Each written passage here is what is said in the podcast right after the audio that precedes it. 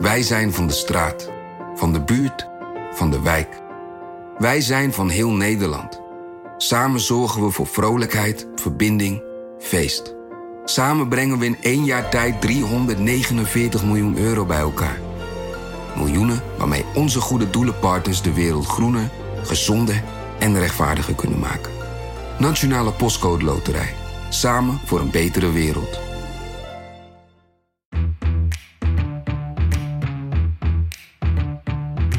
Dit is Haagse Zaken. Mijn naam is Lemja Harouai. Dan proberen we eens een keer wat inzicht te geven in de voortgang van ons werk. Ja, en dan ga je naar de highlights kijken en dan ga je natuurlijk toch al dingen twitteren. De kritiek, dat is wel grappig van Tom de Graaf, dat hij zei dat de analyse altijd wel wat belangrijker was dan de praktische toepassing. Wat ze vooral niet wilden is dat er gebeurde wat er met eerdere staatscommissies gebeurde, namelijk een heel mooi rapport met allerlei mooie adviezen die dan vervolgens in een la verdwijnen.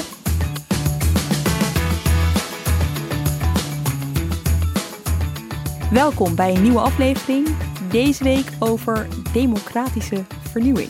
terwijl het raadgevend referendum bijna is afgeschaft, komt een officiële staatscommissie nou juist met het advies om een veel steviger en bindend referendum in te voeren. We bespreken de tussenrapportage van de staatscommissie Parlementair Stelsel onder leiding van VVD en commissaris van de Koning in Noord-Holland Jan Remkes. Vandaag presenteren we een tussenstand over ons werk als staatscommissie Parlementair Stelsel. En we zoomen in uh, op de partij die ooit opgericht werd om democratische vernieuwing te brengen, D66.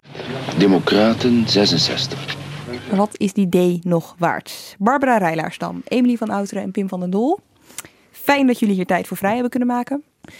Emily, voordat we het gaan hebben over uh, de tussenrapportage die uh, dus uh, afgelopen donderdag werd gepresenteerd, wil ik het even hebben over de aanloop daar naartoe. Want zo'n commissie, zo'n staatscommissie, die wordt natuurlijk door iemand aan het werk gezet. Wat was de context hier omheen? Ja, deze uh, staatscommissie heeft een lange aanloop gekend. Het is eigenlijk begonnen in de discussie daarover, eigenlijk begonnen in 2013. En dat kwam omdat het kabinet Rutte 2 eigenlijk pas na zijn formatie erachter kwam dat ze geen meerderheid hadden in de Eerste Kamer. En die Eerste Kamer ging ook meteen dwars liggen. Uh, en toen het kabinet een maand of vijf zat, toen was het Halbe Zijlstra, de fractievoorzitter van de VVD hier in de Tweede Kamer. Die zei, ja, die Eerste Kamer die is lastig. En uh, ja, als die de het politieke primaat van de Tweede Kamer gaat ondermijnen, dan heeft de Eerste Kamer geen toegevoegde waarde. In de Telegraaf het bericht dat VVD-fractievoorzitter Halbe Zijlstra vindt dat de Eerste Kamer moet worden afgeschaft als het kabinet, kabinet gaat dwarsbomen om politieke redenen. Het is Zijlstra een doorn in het oog dat de coalitie van VVD en PvdA afhankelijk is van de grillen van de Eerste Kamer, terwijl die bedoeld is om de kwaliteit van de wetgeving te toetsen. Iedereen op zijn achterste benen, met name natuurlijk senatoren. Um, Niet gek ook, want een, een, een, regeringspartij die zoiets zegt, ja, het ja, is het geen toeval. echt een beetje de arrogantie van de macht van de VVD, die in de tweede keer de grootste geworden waren. Helemaal niet een partij verder die zich bezighoudt met staatkundige vernieuwing of de rol van de Eerste Kamer, die dus opeens op het moment dat zij er last van hadden, vond dat die Eerste Kamer maar weg moest. En toen is, omdat die oneenigheid een beetje weg te masseren, maar toch de discussie over de Eerste Kamer aan te gaan, is uh, Loek Hermans, fractievoorzitter in de Eerste Kamer in stelling gebracht. En die heeft toen, eerst in 2013 heeft hij het al gesuggereerd, maar in 2014 echt een voorstel gedaan. Jongens, laten we dit onderzoeken. En nee, dit is echt niet bedoeld om de Eerste Kamer af te schaffen. We moeten een bredere discussie hebben over de complexiteit van deze tijd. En of mensen zich nog betrokken voelen. Um, over of we nog op de juiste manier de juiste dingen doen hier in Den Haag. Nu we zoveel ofwel naar gemeenten gedelegeerd hebben, ofwel in Brussel hebben uitbesteed. Voorzitter, ik breng dit punt nu op omdat er veel meer buiten dit huis dan in dit huis over dit onderwerp gesproken wordt. En ik vind het niet meer dan logisch dat we dan ook tegen elkaar zeggen: laten we ook hier met elkaar over spreken. En hielp het dat hij die, dat hij die nuance aanbracht? Of ja, nou in de, dus in, de, in de wandelgang bleef het altijd de commissie om de Eerste Kamer af te schaffen. Maar het is natuurlijk wel degelijk zo, en dat zagen we ook deze week toen dat rapport verscheen, dat het over heel veel dingen gaat. En zeker niet concreet over het afschaffen van de Eerste Kamer, maar over allerlei facetten van directe en indirecte democratie. Hebben we het zo nog uitgebreid over, want Pim die heeft het rapport voor zich liggen. Um, wat is de opdracht die zij toen de tijd hebben meegekregen? Want ja, Plasterk was toen nog minister van Binnenlandse Zaken. Hij was de opdrachtgever. Waar, waar, ja. waar vroeg hij concreet naar? Nou, de opdracht was dus heel breed. Uh, eigenlijk onderzoeken of de, het stelsel hè, van de, onze parlementaire democratie nu, nu nog toekomstbestendig is.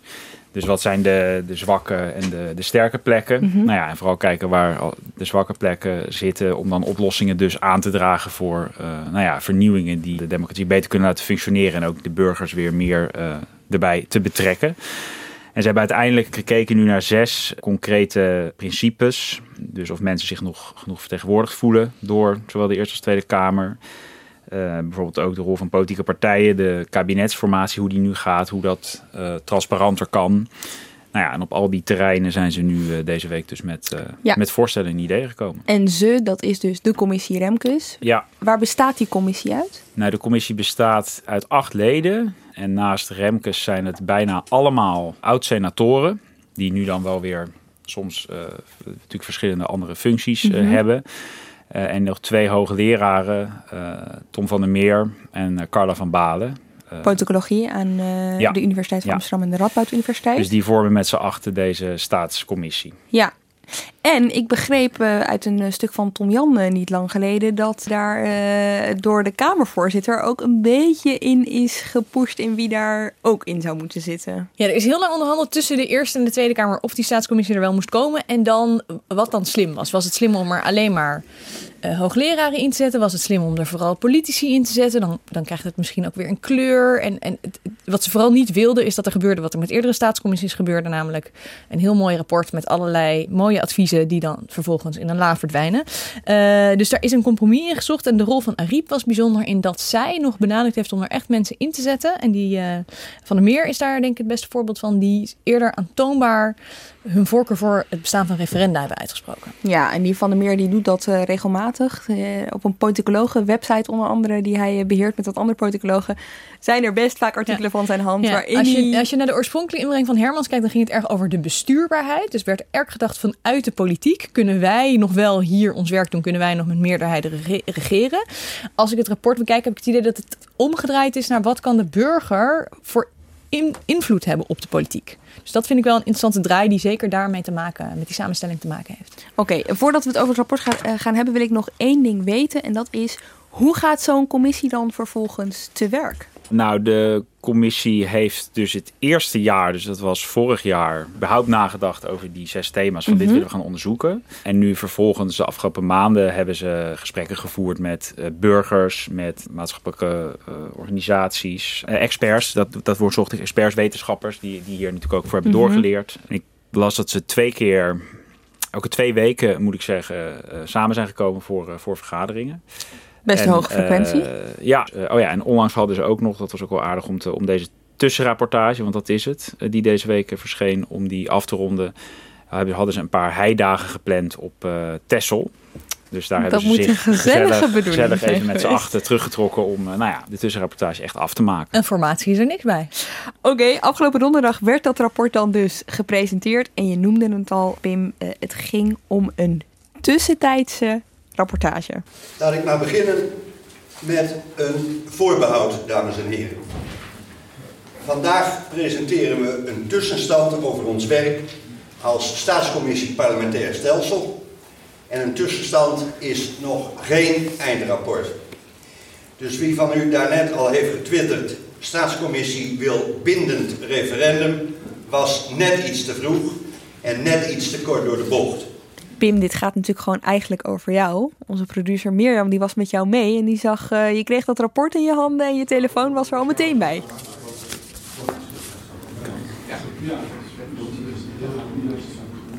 Dit is eigenlijk wat ze straks gaan presenteren. ja, dit is wat straks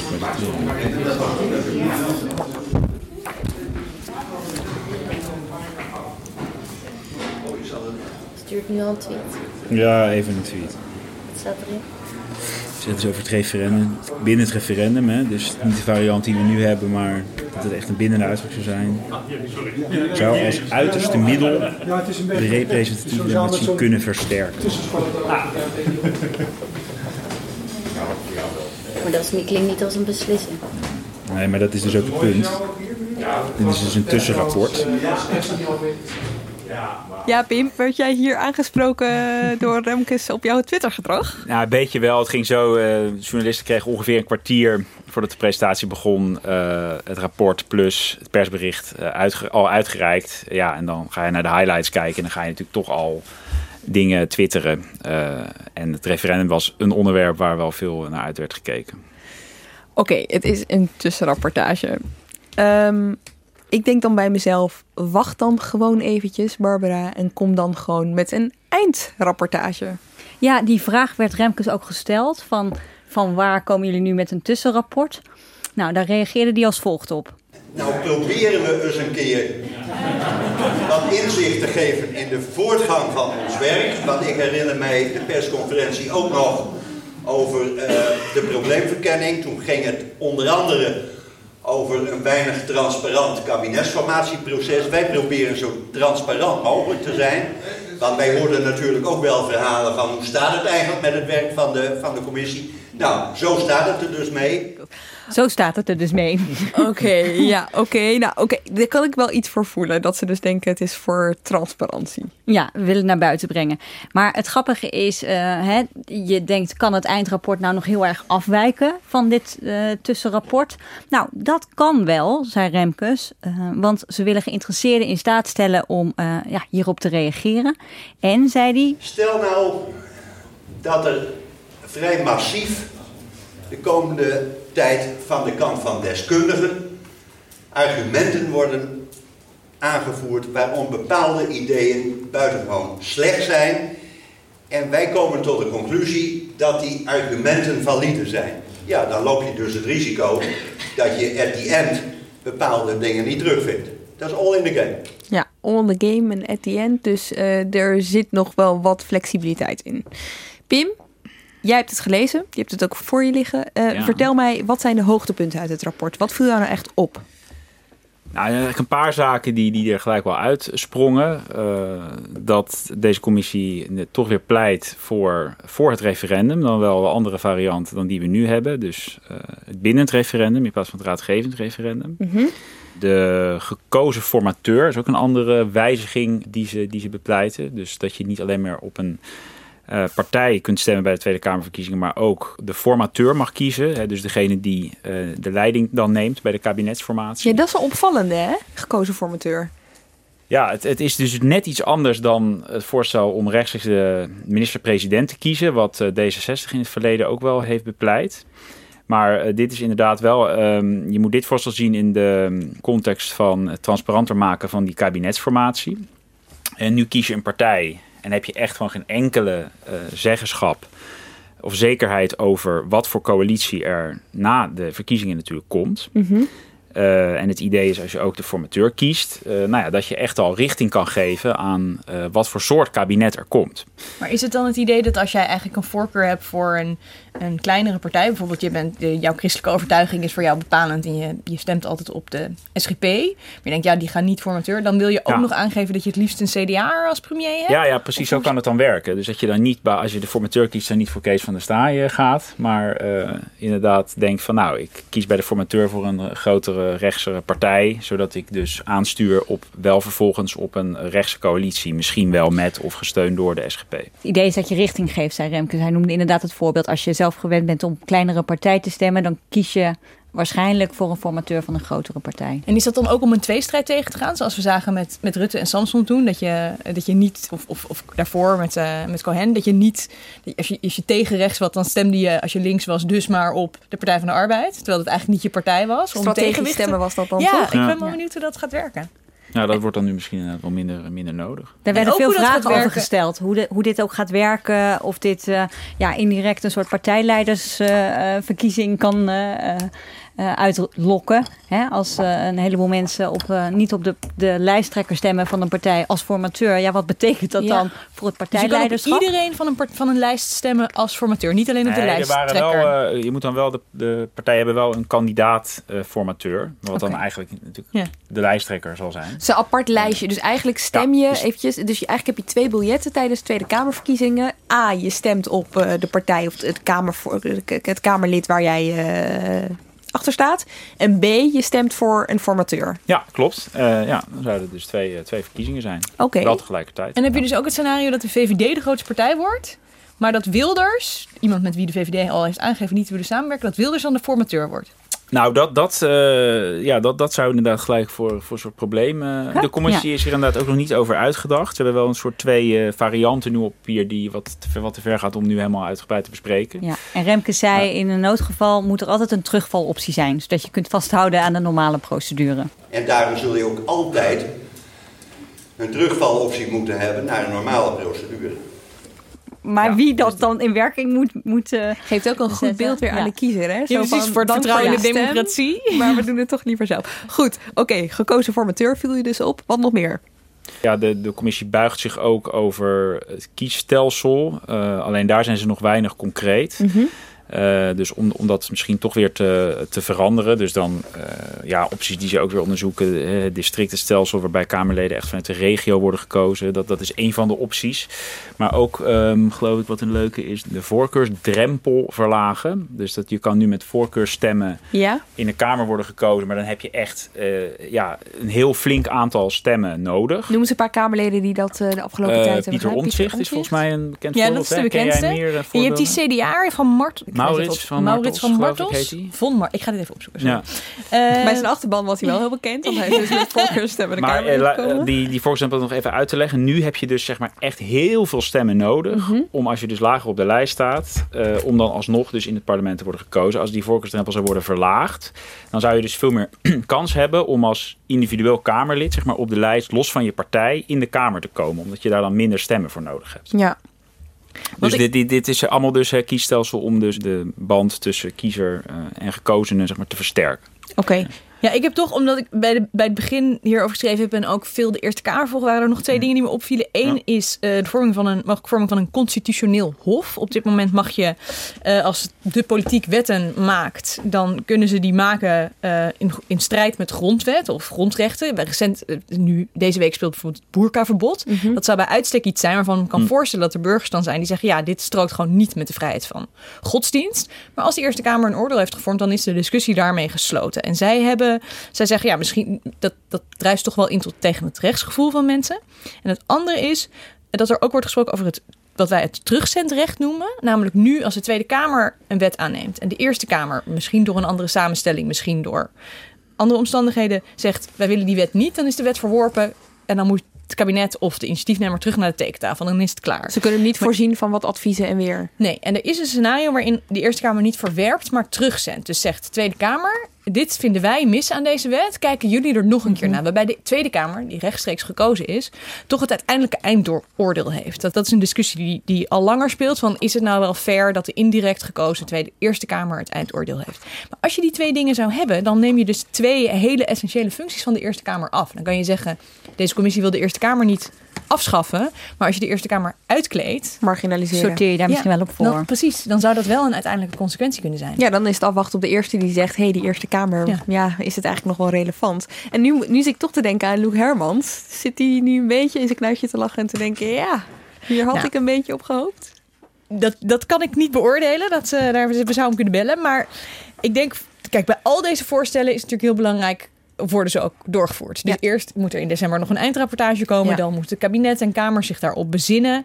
En de meeste hervormingen die hier worden voorgesteld, lang niet allemaal, maar de meeste is toch wel, uh, daar is een, uiteindelijk een tweederde meerderheid in beide kamers voor nodig. En dat zijn zulke drastische wijzigingen dat we, ja, er is nog wel heel veel van deze toch wat academische discussie rond zo'n staatscommissie. Er moet nog wel heel veel gebeuren.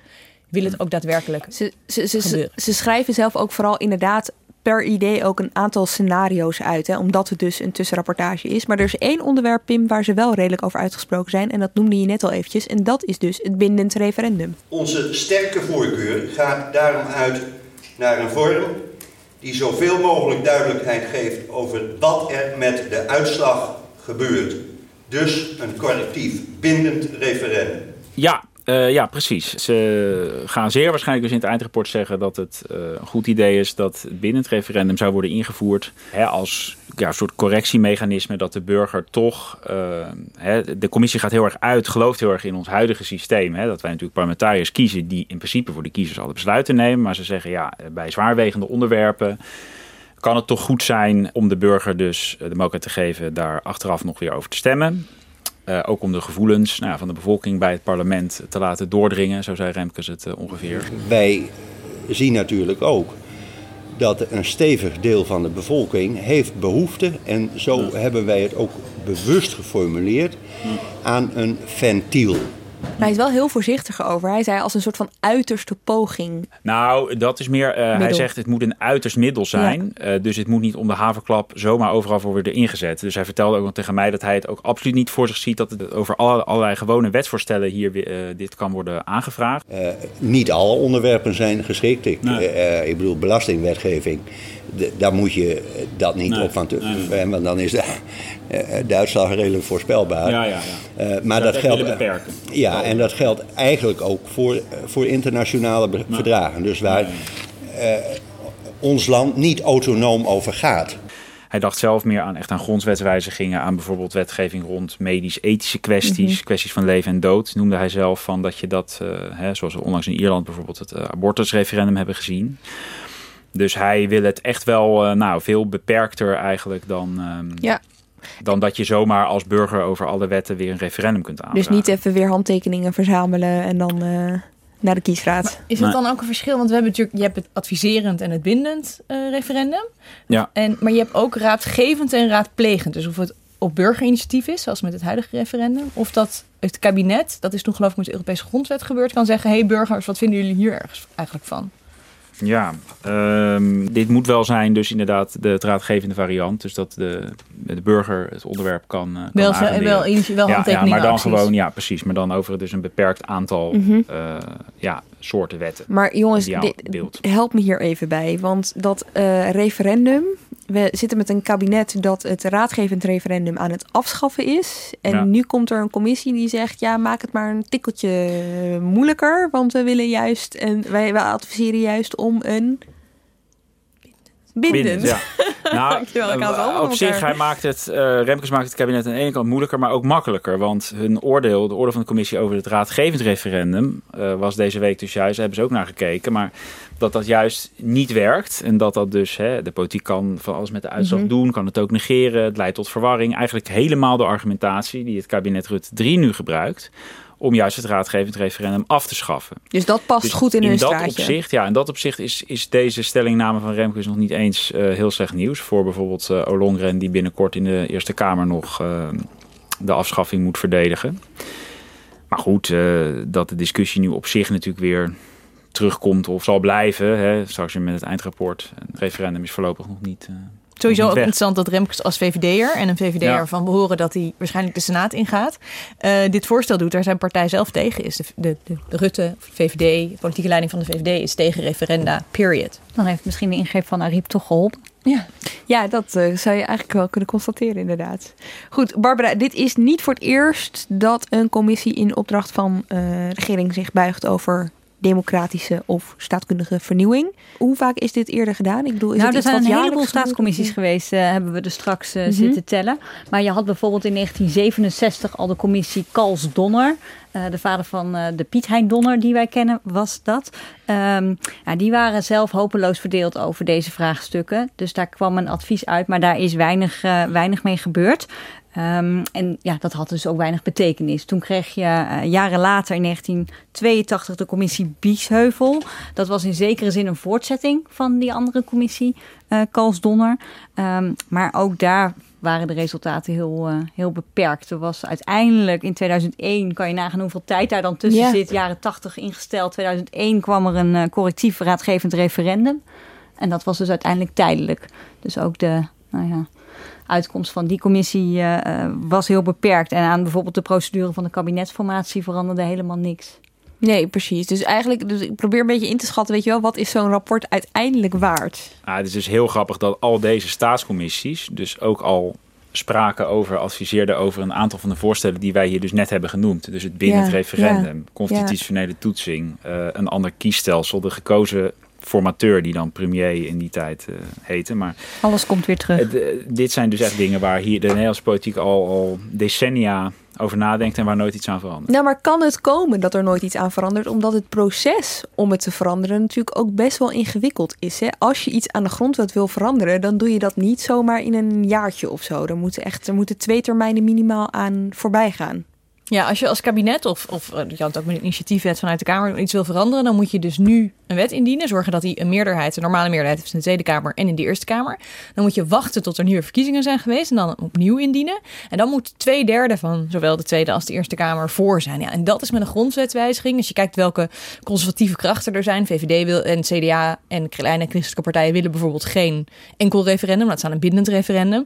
Ja, dan is dat heel erg ingewikkeld om echte veranderingen te doen plaatsvinden. En zeker daar waar het ook gaat om het inperken van de macht van de Eerste Kamer, ga je de senatoren laten stemmen over het inperken van hun eigen macht. Dat noemen ze geloof ik de kalkoen laten beslissen wat we voor kerst eten. Dat is gewoon niet zo heel erg waarschijnlijk. En je kunt strategisch natuurlijk even wachten met die tweede keer indienen van het voorstel. Hè? Als je die twee derde meerderheid nodig hebt. Er is geen tijdsdruk. Er is niemand die zegt je moet dat per se meteen na de eerstvolgende verkiezingen doen. Oh. Daar is wel kritiek op. Alleen dat maakt wel dat het veel langer eh, eh, duurt soms. Ja, precies. Als je gewoon tactisch wacht tot je denkt twee derde meerderheid te hebben. Oké, ja. Dus eigenlijk zou je tot in de oneindigheid kunnen wachten tot, totdat er een, een kamersamenstelling is die past bij het wetsvoorstel dat jij Bij de tien jaar geleden hebt Ja, wat ingediend. wel interessant is natuurlijk dat D66 eerder voorvechter van, eh, van eh, grondwettelijke veranderingen en eh, staatkundige vernieuwing en ook afschaffing van de Eerste Kamer en instelling van het referendum die taak lijkt te laten liggen. Terwijl je nieuwe, nieuwere partijen ziet, SP en de P veel langer, maar ook Forum voor Democratie, die dit soort hervormingen ook willen. Dus daar zou een eclectische tweederde meerderheid kunnen ontstaan. Maar dan moeten wel de VVD, het CDA en de kleine christelijke partijen nog heel veel kleiner worden dan ze zijn. Of een radicale transformatie ondergaan. Ja, precies. En ik kan me voorstellen dat het ook niet per se heel lekker in de coalitie ligt als D66 nu zegt: hé hey jongens, ik ga het toch doen, maar dan met de rest. Nou ja, maar die, nu hebben ze niet eens de helft, geloof ik. ja, dus dat, dat eh, ik- Ja. eh, eh, sommige partijen willen GroenLinks, PvdA en D66 wilden een bindend referendum en hadden daar ook een gewone meerderheid voor. Eh, maar in de campagne voor de laatste Tweede Kamerverkiezingen hebben ze daar allemaal om verschillende redenen hun handen weer van afgetrokken, waardoor eh, de SP dat voorstel heeft overgenomen. Maar ja, daar, toen was er, eh, was er helemaal nog maar een fractie van de steun voor in, Maar in de dat Tweede toont Kamer. dus eigenlijk al aan dat dat advies van Remkes dus eigenlijk al nergens gehoor vindt. Tenminste niet bij het- de overgrote meerderheid van de Kamer. Ja, dit advies is dan officieel aan het kabinet. En het Ja. kabinet gaat na de eindrapportage eh, Officieel later dit reageren. jaar reageren. Maar ja, je kan, Ja. neem zo'n voorbeeld nu van het voorstel voor een bindend referendum. VVD, CDA en ChristenUnie zijn daar niet, geen voorstander van. Dus je kan er in ieder geval van uitgaan dat, dat dit kabinet dat voorstel al niet gaat overnemen. Ja. Goed, Remkes is niet de enige die aan het nadenken is over democratische vernieuwingen. Binnen D66 zijn ze daar ook heel druk mee, eh, Barbara. Zeker. Eh, die partij die werd eh, ooit opgericht omdat de oprichters radicale democratisering wilden. En nu zit ze een beetje met zichzelf in de knoop. Ja, Dus- ruim 50 jaar later eh, blijkt daar weinig van terechtgekomen. ja, vertel, ze zijn daar bezig met een soort van zoektocht naar wat ze aan moeten met hun kroonjuwelen. Ja, het is aan eh, Rob Jette. Dat is een jong, eh, talentvol Kamerlid. We hebben hem al iets vaker besproken hier Ja, bij Aflevering de Haagse 17 Zaken. over de burgemeestersbenoemingen. Ja, het is aan hem. Hij heeft dit in zijn portefeuille. Dus hij is een soort hoeder van, van de kroonjuwelen. Zo zijn deze voorstellen voor, voor democratische vernieuwing ooit gedoopt. Niet door D66 zelf trouwens. Ehm, en hij moet nadenken over de toekomst. Want er is dus weinig terechtgekomen van die idealen die in het appel van 1966 stonden. Het referendum is daar eh, trouwens pas later eh, ehm, bijgekomen. Niet in het appel, maar later heeft D66 dat omarmd. Ehm, omdat er zo weinig van terecht is gekomen, is D66 nu aan het nadenken: wat moeten we hiermee? Ja, dat doen ze wel vaker. Twee jaar geleden hebben ze zoiets ook gedaan met het familierecht. Eh, wat in hun ogen wel aan modernisering toe was. En toen is Familie van Nu eh, gestart. En dat is uiteindelijk een stuk geworden van 12 A4'tjes. eh, waar de leden op het congres mee hebben ingestemd. Nou ja, en dan zie je al die teksten. Die komen dan langzaam in het verkiezingsprogramma. En een deel daarvan komt vervolgens weer terug in het regeerakkoord. Het is een startpunt voor een denkrichting, om het maar Precies. zo te zeggen. Oké. Ja, en dat willen ze nu doen met democratie. Dus ze hebben nu eh, democratie van nu. En Rob Jette staat in ieder zaaltje waar hij welkom is ongeveer. Hij was ook trouwens deze week bij de presentatie van eh, het rapport van Remkes. Eh, dus hij duikt overal op als staatkundige vernieuwing eh, Ja. aan de orde komt. En hij is aan het eh, bedenken met leden uh, hoe ze verder moeten als uh, ja, partij van de democratisering. Ja, en hij kan er wel over vertellen, maar je kan er niet zelf bij zijn, heb ik begrepen. Nee, ik, uh, ik dacht ik ga eens naar zo'n avond toe. Ze waren de laatste weken in Amsterdam, Breda, Groningen. Ik dacht, nou, daar wil ik wel aanschuiven. Maar toen werd mij toch vriendelijk, toch dringend meegedeeld dat ik daar niet welkom was, zodat de leden vrijuit konden praten. Ja, wat toch een beetje wonderlijk is voor een partij die zo open en transparant uh, wil zijn als D66. Ik begreep zelfs dat eigenlijk de fractievergaderingen in de Tweede Kamer openbaar zijn. Als je je van tevoren aanmeldt. Je kunt je afvragen of ze dan dus de spannendste oh, onderwerpen uh, gaan, uh, gaan behandelen. Maar in principe mag je daarbij zijn. Ehm, maar hierbij waren we dus niet, niet welkom. Ik heb wel een paar foto's gezien. Oh ja? Vertel, ja, omschrijf. Paars licht, uh, rode muren. Uh, en, oh, wacht uh, even. het zag er heel knus uit. En keurige rijen met stoeltjes met, met deze 60 leden die. en ze komen met daar dan honderden over. mensen op af? Uh, nou, ik heb het natuurlijk niet zelf kunnen vaststellen. Dus ik, heb, uh, ik kan alleen maar zeggen wat mij is uh, verteld. En dan zeggen ze ongeveer 30 mensen. In Amsterdam geloof ik 50. Maar op die avonden komen ongeveer 30 tot, nou ja, zeg 50 het leden. Het lastige van dat soort avonden is natuurlijk wel altijd dat er een bepaald type persoon op afkomt. Hè? Namelijk iemand die, zijn, die en mails krijgt van D66. Of in ieder geval lid is van D66. En ja, betrokken is, of in ieder geval politiek zo belangrijk vindt dat hij van plan is om een vrije avond ervoor op te geven. Weet je wel, je, je krijgt altijd wel een soort van bepaalde groep die daar. Nee, dat is natuurlijk ja, heel erg zelfselecterend. Ja. Maar ik vraag me wel af, want D66, wij noemen het de kroonjuwelen. En wij, wij, jullie hebben speciaal over die partij een stuk geschreven van waar zijn ze nou mee bezig op uh, in het kader van de democratische vernieuwing. Maar vraag me altijd af, hoe belangrijk vinden de leden dat? Stemmen ja, zij, dat is ook hebben zo. zij zich om die reden bij die partij aangesloten, de idealen van 50 jaar geleden? Of zijn ze heel erg geïnteresseerd in onderwijs, klimaat mm -hmm. of hele andere onderwerpen. Ja, ik sprak Koen Brummer, de directeur van, het, uh, van de Van Mierlo Stichting, het wetenschappelijk bureau van D66. En die zei ook dit, zeg maar. Hè. Zij, tuurlijk is het heel belangrijk en uh, onze leden vinden het heel belangrijk, maar ze vinden ook andere zaken heel belangrijk. Uh, kortom, we hebben een brede agenda. Dat is natuurlijk het uh, diplomatieke antwoord. Ja, want je had ook het idee dat ze juist, D66 is natuurlijk best een tikje elitaire partij geworden, dat ze nogal schrokken van, oh, een referendum waarbij dan de burger opeens mag beslissen over internationale verdragen ja. of dat soort dingen. Dat is de kritiek van, uh, van Boris van der Ham, over wie we het zo uh, uitgebreider gaan hebben. Die, die heeft allerlei kritiek op de manier waarop zijn partij omgaat met het afschaffen van het raadgevend referendum. Maar je ziet in ieder geval dat de leden in het verleden ook niet altijd de kroonjuwelen zo belangrijk vonden. en de kritiek, dat is wel grappig, van Tom de Graaf. Die schreef dat in een boek dat twee jaar geleden verscheen... Uh, ter ere van het 50-jarig bestaan van D66. Die zei dat de analyse altijd wel wat belangrijker was... dan de praktische toepassing. Oftewel, we praten er heel graag en heel veel over. Um, maar echt, ja... Verwacht geen resultaten. ja, oké, okay, wel eerlijk, zou ik, uh, zou ik zeggen. Maar goed, je hebt dus Rob Jetten die dus samen met de Van Mierlo Stichting uh, optrekt aan de ene kant. Maar je noemde net al eventjes aan de andere kant Boris van der Ham, oud-Kamerlid uh, voor D66, die is inmiddels een eigen campagne gestart. Ja, klopt. Die is met opfrissing gestart.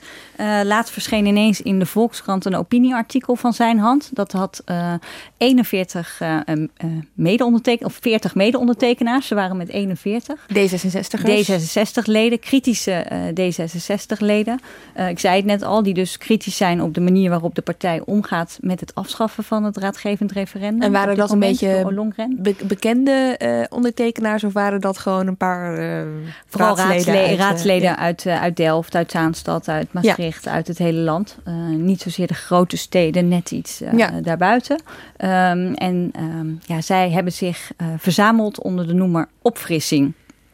Ik was eerst eventjes, ik had nog niet meteen paraat, maar later zag ik dat Boris van der Ham eind jaren 90 uh, bij de uh, vernieuwingsbeweging binnen D66 actief was. En die heette Opschudding. Dus er zit wel een.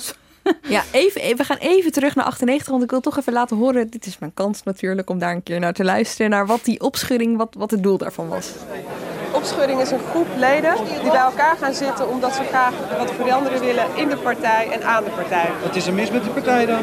We willen een herkenbaar gezicht voor D66 en we willen een ambitieuze partijorganisatie. Ja. Wat moet er dan veranderen? We willen dat we een herkenbaar gezicht hebben. Dat wil zeggen dat we onze identiteit duidelijk moeten maken. Daarom willen we graag de ondertitel Sociaal-Liberaal. En tegelijkertijd willen we dat onze partij ambitieus genoeg is om de politieke agenda permanent op te kunnen schudden. Ja, dit was dus een, um, een, partijcongres van D66, waarin de voorzitter van de Jonge Democraten dus een uh, statement wilde gaan maken. Ze deelden daar ook allemaal gele rozen uit en zo.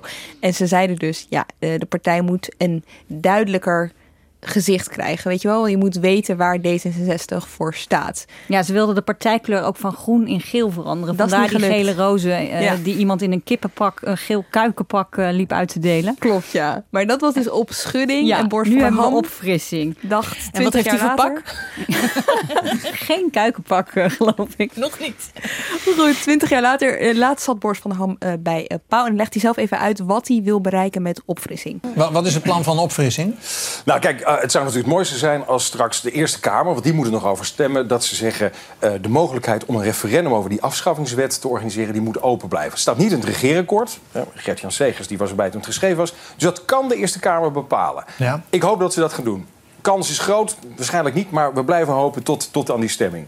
En ik vind daarna dat als dat dan zou worden afgeschaft, wat ik niet hoop, dat er in ieder geval een, paar nieuwe voorstellen op de agenda komen te staan van D66 om zo snel mogelijk een alternatief op tafel te leggen. Want daar schort het op dit moment aan.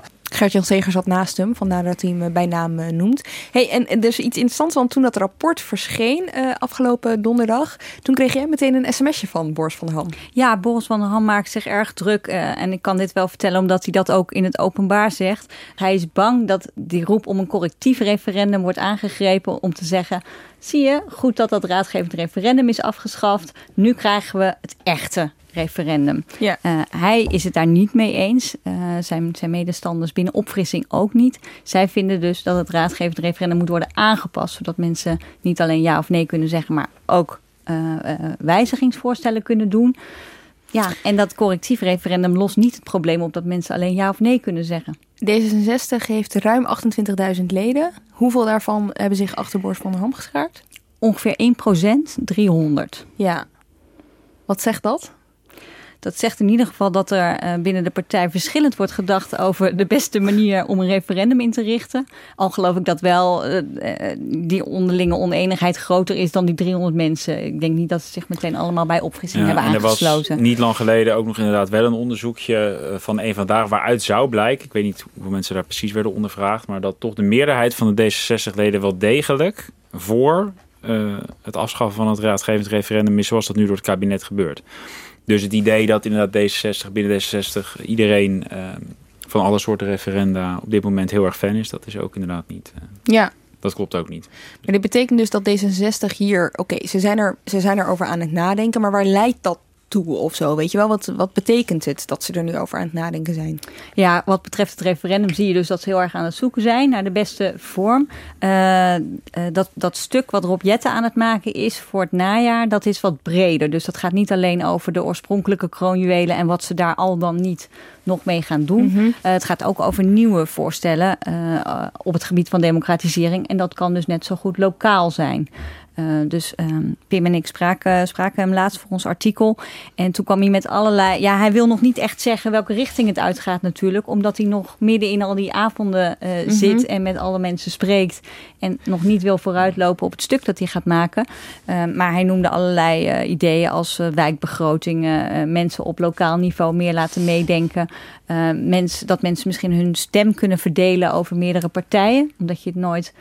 Uh, met één partij met alle punten eens bent. Uh, dus ja, ze hij zijn is, echt hij op, is op nog... heel uh, breed vlak aan het nadenken. Ja, oké. Okay. Hey, en um, even kijken naar de context hiervan. Want wat je ondertussen ziet is natuurlijk dat andere partijen, je noemde het net al eventjes Emily, uh, het aan het claimen zijn. Hè? Uh, die, die democratische vernieuwing. Je ziet dat een partij als uh, Forum bijvoorbeeld echt Van Mierlo bijna claimt, zou je bijna ja, kunnen zeggen. Ze dwepen dus, nogal met Van Mierlo. Ja, er is zelfs een spotje waarin ze dat welbekende filmpje waarin Van Mierlo over straat loopt met zijn kraag opgetrokken. Waarin hij zegt dat hij zich zorgen maakt en dat er iets moet gebeuren. Nou, dat hebben zij opnieuw ingesproken, tenminste Baudet. Um, je hebt een debat gehad over het referendum waarin Martin Bosma van de PVV letterlijk de tekst van Alexander Pechtold van een vorige termijn heeft Toen Pechtold nog geen coalitiepartij leidde. Ja. ja, dus met andere woorden, ik kan me voorstellen dat, weet je, dat kan toch ook voelen als geheig in je nek als D66. Ja, dat is wel zo. Alleen, ja, uit onderzoeken blijkt dat de huidige D66-kiezer niet het belangrijkste onderwerp vindt en ook best oké is met die afschaffing van het referendum. Uh, Baudet wil ook nog heel veel verder gaan. Die wil een, een Zwitsers model uh, waarin eigenlijk elke beslissing uh, per referendum wordt voorgelegd. Mhm. En dat is denk ik ook een deel van het probleem. En misschien dat deze staatscommissie die discussie iets kan structureren, is dat er zijn heel veel partijen die willen een referendum, maar ze willen allemaal iets anders. En dat is in de vorige periode is geprobeerd daar een compromis voor te verzinnen door uh, met drie partijen een voorstel te doen voor een tijdelijk raadgevend referendum, wat dan ooit bindend zou moeten worden als die tweederde meerderheid op magische wijze in het parlement zou ontstaan. Uh, ja, misschien dat, dat op basis van de discussie die hieruit voortkomt, uit, uit het uiteindelijke rapport in december, dat, je, dat er iets meer lijn in die discussie kan komen en, en partijen samen kunnen bedenken wat voor referendum dan wel gaat werken. Dat ze elkaar ergens kunnen vinden.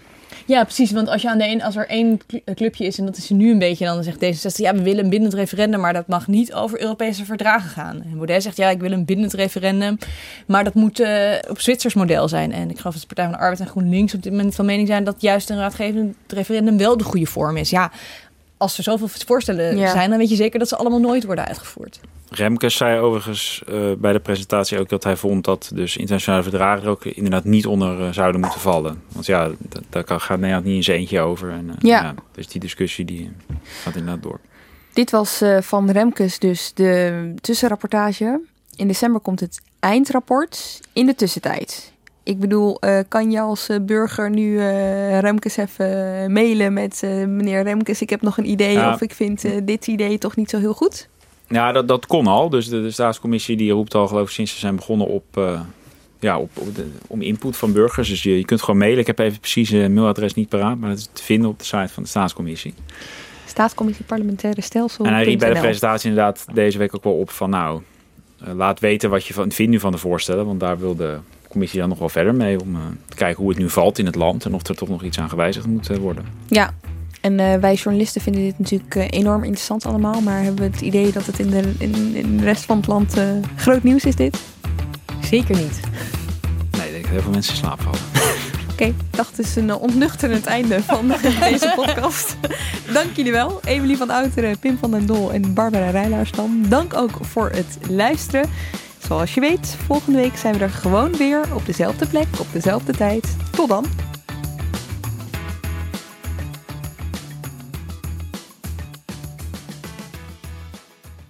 Je hebt aardig wat vermogen opgebouwd. En daar zit je dan, met je ton op de bank. Wel een beetje saai, hè? Wil jij, als belegger, onderdeel zijn van het verleden of van de toekomst? Bridgefund is een slimme fintech die een brug slaat tussen de financiële behoeften van ondernemers en van beleggers. Dus wie belegt bij Bridgefund krijgt niet alleen een mooie vaste rente, maar brengt ook ondernemers in beweging. Echt waar, met die ton kan je zoveel betere dingen doen. Bridgefund. Make money smile.